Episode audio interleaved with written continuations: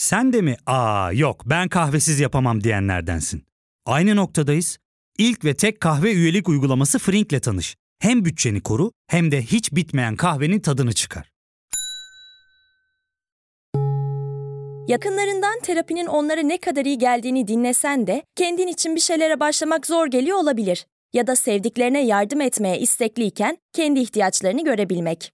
Hayvel, uzman psikologlarıyla kendi ihtiyaçlarını bulmanda sana destek olacak. Terapi yolculuğuna başlamak için detaylı bilgi bölümün açıklamalarında.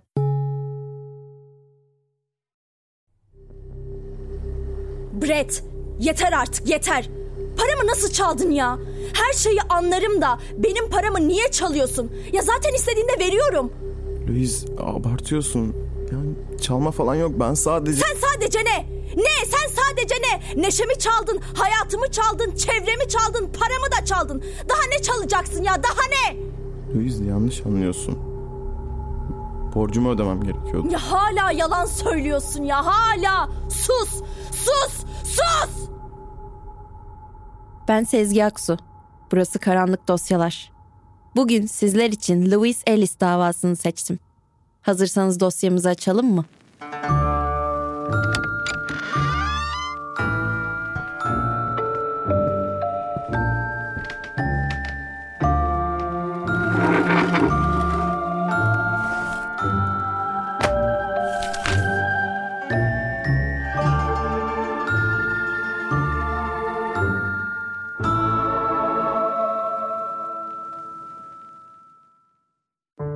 Louis 23 Haziran 1948'de Kanada'nın Ottawa şehrinde dünyaya geldi. Üç kardeşin ortancasıydı. Ailenin yeteneklisi Louis'ti. Böylelikle ilgi de çekiyordu. Dans etmeyi o kadar çok seviyordu ki üzerinde dans ettiği halıyı eskitmişti. Her ne kadar dans etmek onun için büyük bir eğlence olsa da asıl hayali bir yazar olabilmekti. Louis özellikle çocuklarla ve genç insanlarla etkileşimde bulunmakta çok yetenekliydi insanlara birinin onları gördüğünü, duyduğunu hissettirebilen biriydi. Bu yeteneğinin farkındaki Louis, birçok ödül alan Alpha Vegetable adlı resimli bir çocuk kitabı yazdı. Yazarlık ve dans onun birçok yeteneğinden sadece ikisiydi. Organik tarıma çok ilgiliydi. Aynı zamanda bahçesinden çıkan ürünlerle lezzetli vejeteryan yemekler pişirmeyi de severdi. Çevreyle ilgili çok prestijli bir dergi olan Canadian Geographic'te yazıları yayımlanıyordu aklına koyduğu hemen hemen her şeyi başarabilen bir kadındı. Ama onun gerçek tutkusu herkesin adalete kavuşabilmesi için çabalamaktı. İnandığı şeyler için tutkuyla savaşırdı. Bazen bu huyu onu arkadaşlarıyla, ailesiyle ve işverenleriyle tartışmalara sokardı. Ama uğruna savaştığı her şeyin nedeni adalet duygusu ve insan sevgisiydi. Doğup büyüdüğü Ottawa'da gazeteci olarak çalışırken David Milgard adlı birinin haksız yere mahkum edildiğini öğrendi. Öğrendiği gibi de müdürünün yanına gidip bu konuyu haberleştirmek istediğini söyledi. Girebilir miyim Bay Rose? Tabii tabii. Gel Louis'cim. Ne oldu? Ee, David Milgard davasını duymuş muydunuz? Bu şey çocuk değil mi bu hapse atılan? Hani hapse yere atıldığını falan söylüyordu. E ne olmuş ona? Heh işte. Tam olarak bunu araştırmak istiyorum yargılama adil değil gibi duruyor ve detayları öğrenip hikayeleştirmek istiyorum. Yani kulağa güzel geliyor da bu bize kaça patlar? Dava burada. Ottawa'da görülüyor. Bu sebeple kalma ya da yol masrafımız yok. Sanmıyorum ama en fazla hapishaneye gidip oradan bilgi toplayabilmem için bürokratik işlemler gerekecek. Hmm. Şöyle düşünün Bay Royce. Bu davanın yanlışlığını ya da adil olmadığını hikayemde kanıtlayabilirsem gazetemizin tirajları katlanacak. Yani yapılabilir gibi duruyor. İyi peki. Güveniyorum sana. Ama söylediklerinin dışına çıkarsan ve veya hikayeni yetiştiremezsen seninle farklı bir konuşma yaparız. Anlaştık mı? Elbette Bay Royce. Çok teşekkür ederim. David Milgard davası Kanada'da çok meşhur bir cinayet soruşturmasıydı. 16 yaşındayken David Milgard iki arkadaşıyla birlikte Kanada'yı baştan başa arabayla gezmek için bir yolculuğa çıkmıştı. Üç genç Saskatoon'da Albert adlı bir arkadaşlarını ziyaret etmeye karar verdiler. Tam o sırada Gail Miller adında 20 yaşında bir hemşirelik öğrencisi kaldıkları evin yakınlarındaki bir kar yığınının üzerinde ölü bulundu. Tecavüze uğramış ve bıçaklanarak öldürülmüştü. Tahmin edebileceğiniz üzere bu cinayet medyanın da büyük ilgisini çekti. Polis davanın medyaya yansımasından rahatsız olduğu için süreci üstün körü ele alıp David'i direkt hapse atmıştı. Bunun nedeni ise David ve arkadaşlarını evinde ağırlayan Albert'ın Gale'ın öldürüldüğü sabah David'in tavırlarını şüpheli bulmasıydı. Gel gelelim olan olmuş, David Gail Miller'ı öldürmekten suçlu bulunarak tutuklanmıştı. David'le seyahat eden ve aslında cinayetin yaşandığı saatlerde de onunla birlikte olan iki arkadaşıysa polisle işbirliği yapmazlarsa hapse atılmakla tehdit edilmişlerdi. Bunun üzerine onlar da David'e sırt çevirdiler ve onun suçlu olduğuna dair yalan yanlış beyanlarda bulundular. Yaşları küçüktü. Böyle bir baskı altında büyük ihtimalle çok korkmuş ve kendi güvenlikleri için arkadaşlarını feda etmeyi daha mantıklı bulmuşlardı. Ama bu kararlarının arkadaşlarının hayatını ne derecede etkileyeceğinin farkında olmaktan çok uzaklardı. David Milgard henüz 17 yaşındayken cinayetten hüküm giydi ve ömür boyu hapis cezasına çarptırıldı. Hapishane günleri cehennemden farksızdı. Her bir kemiği kırılana kadar dövüldü. Geceleri gardiyanların işbirliğiyle diğer mahkumlar onu boğuyor ama öldürmeden bırakıyordu.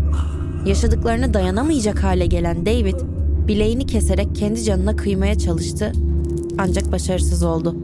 Ölmeyince son gücüyle masum olduğunu iddia ederek birkaç kez cezasına itiraz etmeye çalıştı.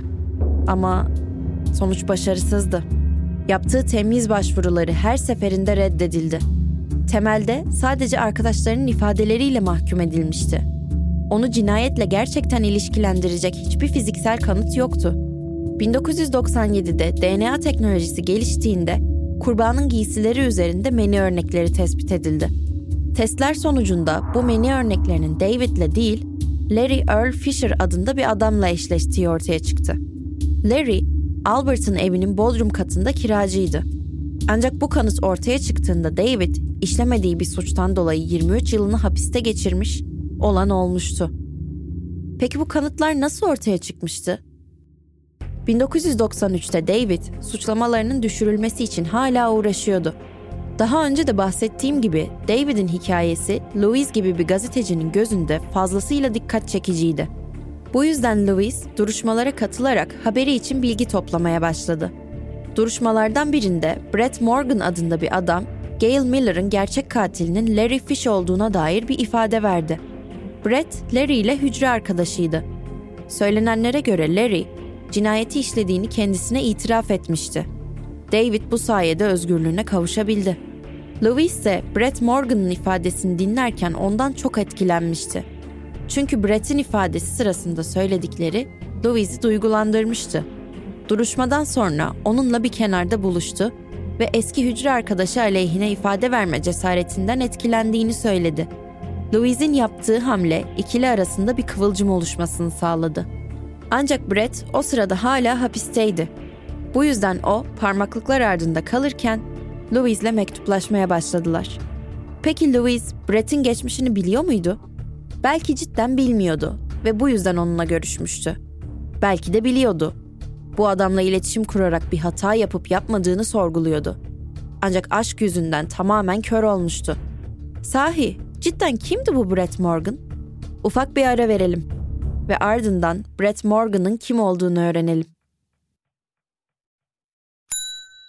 Ya fark ettin mi? Biz en çok kahveye para harcıyoruz.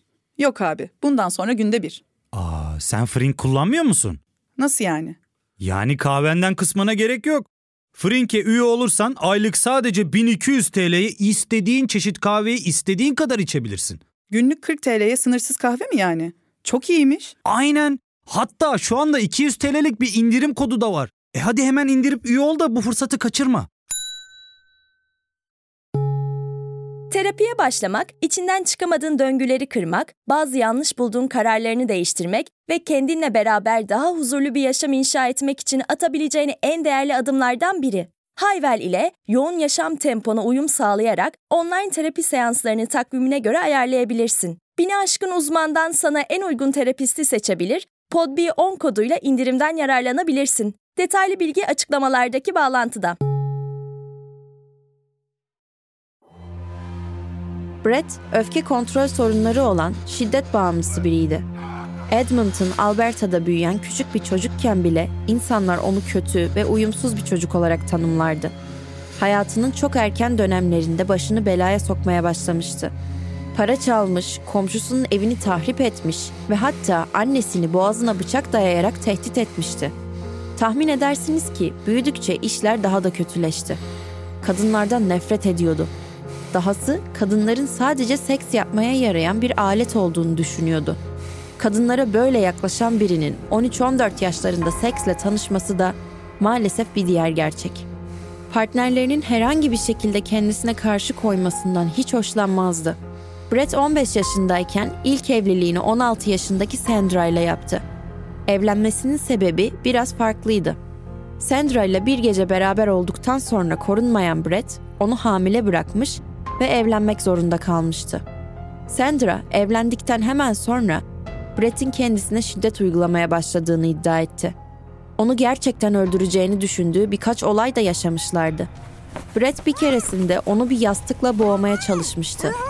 Hamileyken defalarca yumrukladıktan sonra düşük yapmasına da neden olmuştu. Sandra onu terk etmek için planlar yapsa da başarılı olamamıştı. Bir gün büyük annesiyle bu konuda yaptığı bir telefon konuşmasına Brett kulak misafiri oldu ve kızılca kıyamet koptu. Gidip beni bu buna şikayet mi ediyorsun sen?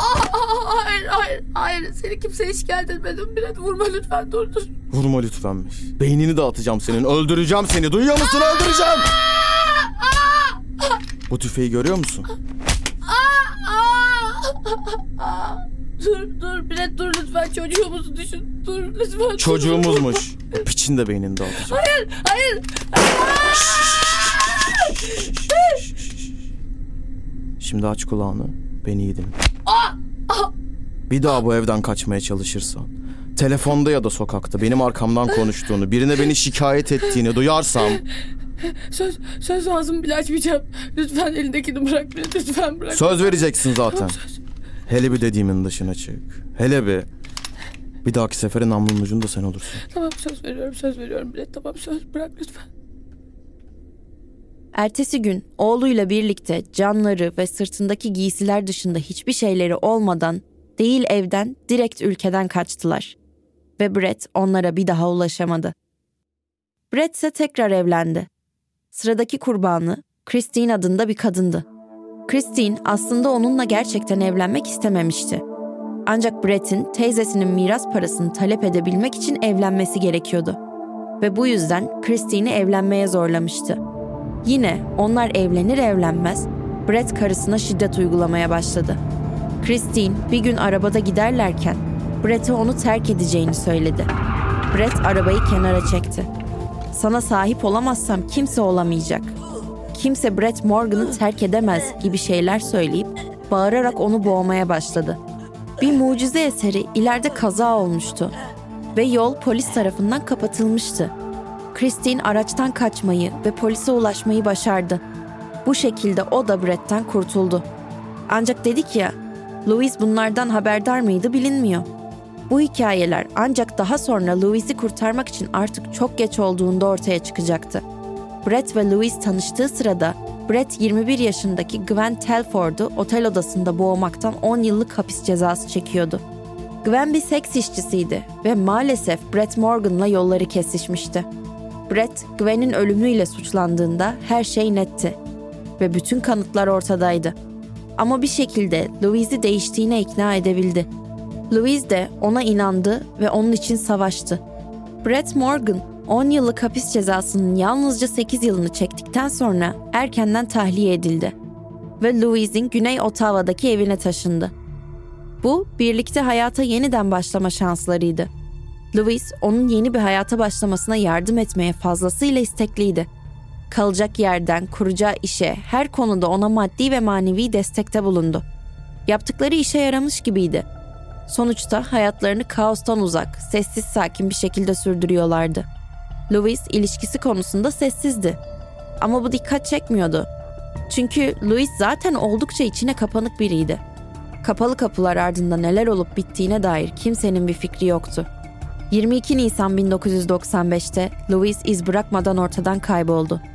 Brett'in söylediklerine bakacak olursak, 21 Nisan 1995 akşamı Louise'in eski erkek arkadaşı aramıştı. O sırada çift birlikte bir film izliyordu. Louise ve eski erkek arkadaşı bir saat boyunca telefonda konuştular. Konuşmanın içeriği ise Louise'in eski erkek arkadaşının kızının doğum günü partisiydi. Louise'i bu partiye davet etmişti.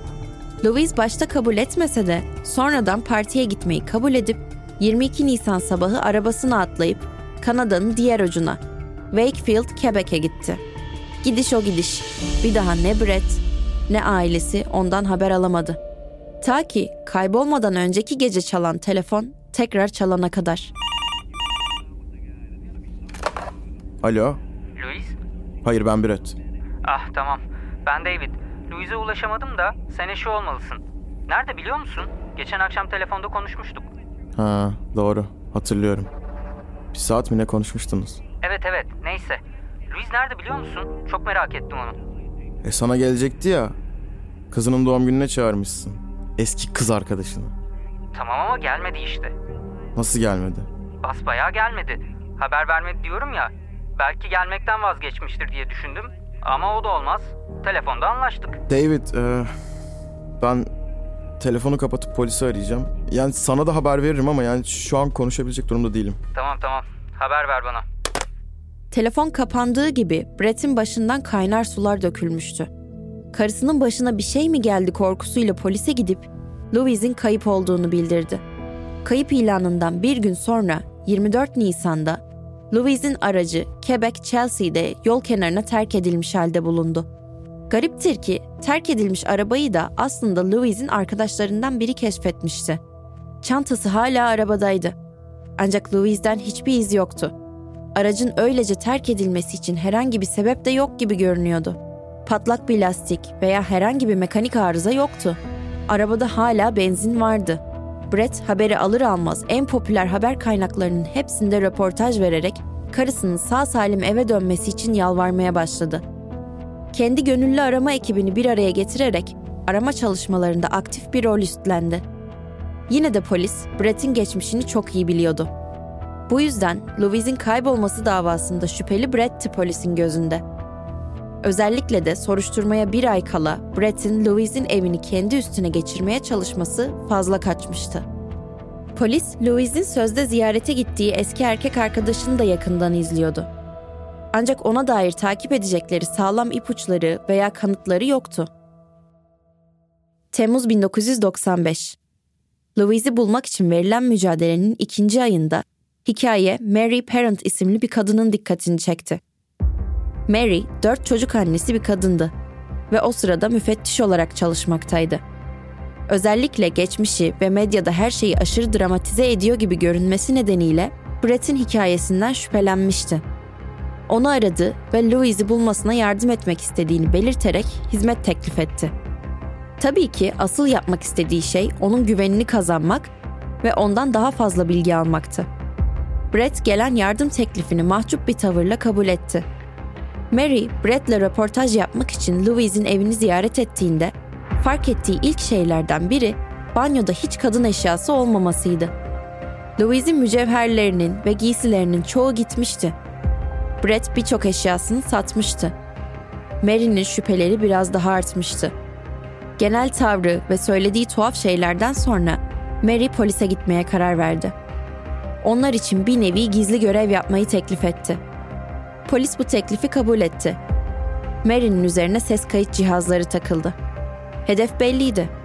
Brett'le buluşacak ve ne yaptığını tüm detaylarıyla öğrenecekti. Brett kan donduran şeyler söylediğinde Mary soğukkanlılığını korumak zorundaydı. Çünkü Brett'in ona güvenmesi gerekiyordu. Çok zorlansa da Mary istediğini aldı. Brett bir noktada bir ölüyü taşımanın patates çuvalı taşımaktan farksız olduğunu söyledi. Brett'in tehlikeli bir adam olduğu ve onunla birlikte olduğu her dakika hayatını tehlikeye attığı Mary için çok açıktı.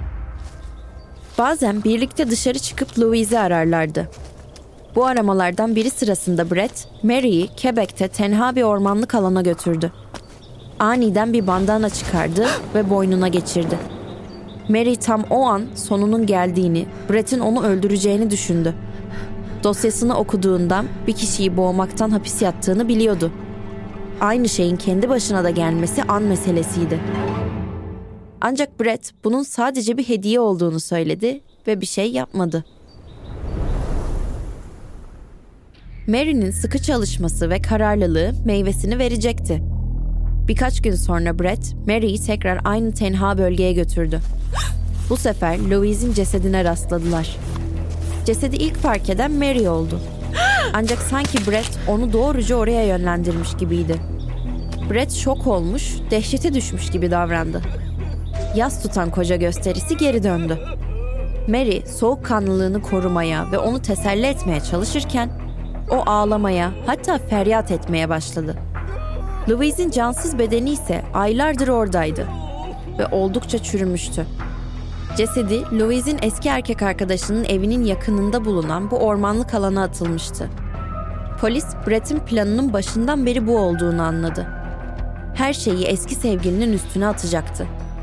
Louise'in eski sevgilisinin evine gitmesi ve bir daha geri dönmemesiyle ilgili tüm bu hikayeyi de bu yüzden uydurmuştu. Aracını o rotada bir yola bırakmış ve ardından cesedini de evin yakınındaki ormanlık bir alana atmıştı. Ancak polisin cesedi bulması onun tahmin ettiğinden çok daha uzun sürmüştü. Bu yüzden Brett'in Mary'e cesedin nerede olduğunu göstererek işleri ilerletmesi gerekiyordu. Ancak plan kafasındaki gibi işlemeyecekti tabii ki. Çünkü polis her şeyin farkındaydı. Mary Parent her şeyin çözülmesini sağladı ve polis Brett Morgan'ı birinci derece cinayetle suçlamak için ihtiyaç duyduğu tüm kanıtlara ulaştı. Yapılan sorgularda Brett'in Louise'i nasıl ve neden öldürdüğü anlaşıldı. Louise uzun zamandır mutsuz olduğu için sessizleşmişti ve banka hesabından parasının çalınması bardağı taşıran son damlaydı. Brett'le konuşmanın işe yaramayacağını bildiği için tıpkı Brett'in ilk karısı gibi sessizce evden kaçmayı düşündü. Ancak hata yapmamak için süreci doğru planlaması gerektiğini biliyordu.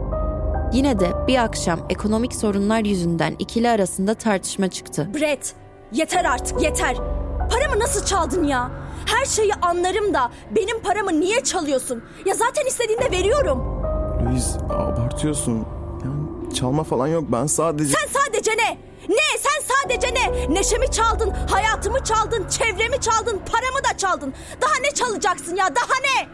Louise yanlış anlıyorsun. Borcumu ödemem gerekiyordu. Ya hala yalan söylüyorsun ya hala. Sus! Sus! Sus! Brett dona kalmıştı. Louise ise ağlayarak odasına çıkıp duşa girmişti. Brett koltuğa oturdu. Hem terk edileceğini hem de polise ihbar edilmek üzere olduğunu fark etti. Soğukkanlı bir şekilde banyoya doğru yürüdü. Kapıyı yavaşça açtı. Duştaki Louise olanların farkında değildi. Louise'in farkında olmadığını bilen Brett, duş perdesinin önüne kadar geldi. Elindeki bandanayı hazırlayıp duş perdesini açtı.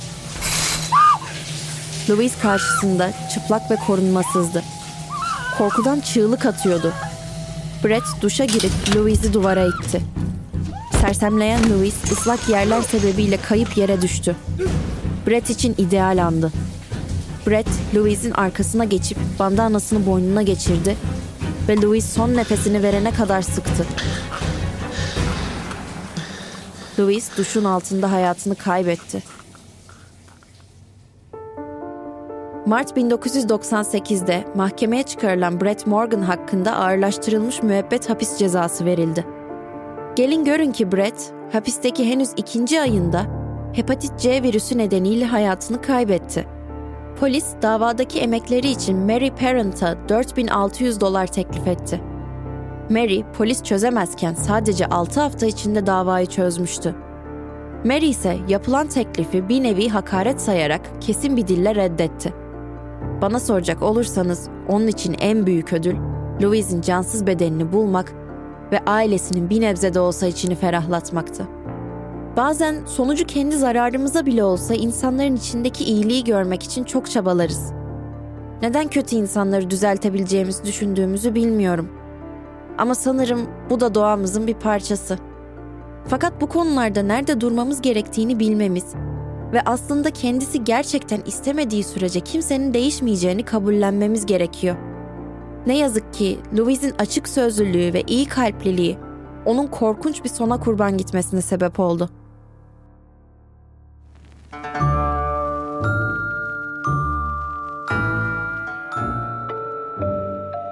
Evet, bu haftanın karanlık dosyasının da sonuna geldik. Bir sonraki karanlık dosyada görüşmek üzere. Kendinize iyi bakın.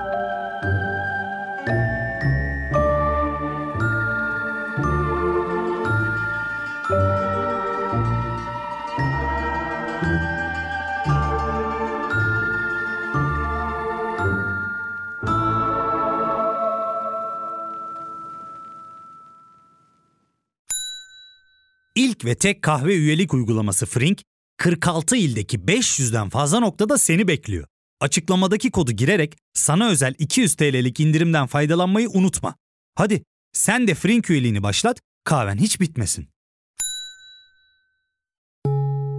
Hem bugününe hem yarınına katacaklarıyla terapi yolculuğuna ve daha iyi hissetmeye bugün Hayvel ile başla. Açıklamadaki linkten Hayvel'i indir, ücretsiz tanışma görüşmelerinin ardından bütçene uygun seans paketini seç ve terapi yolculuğuna başla.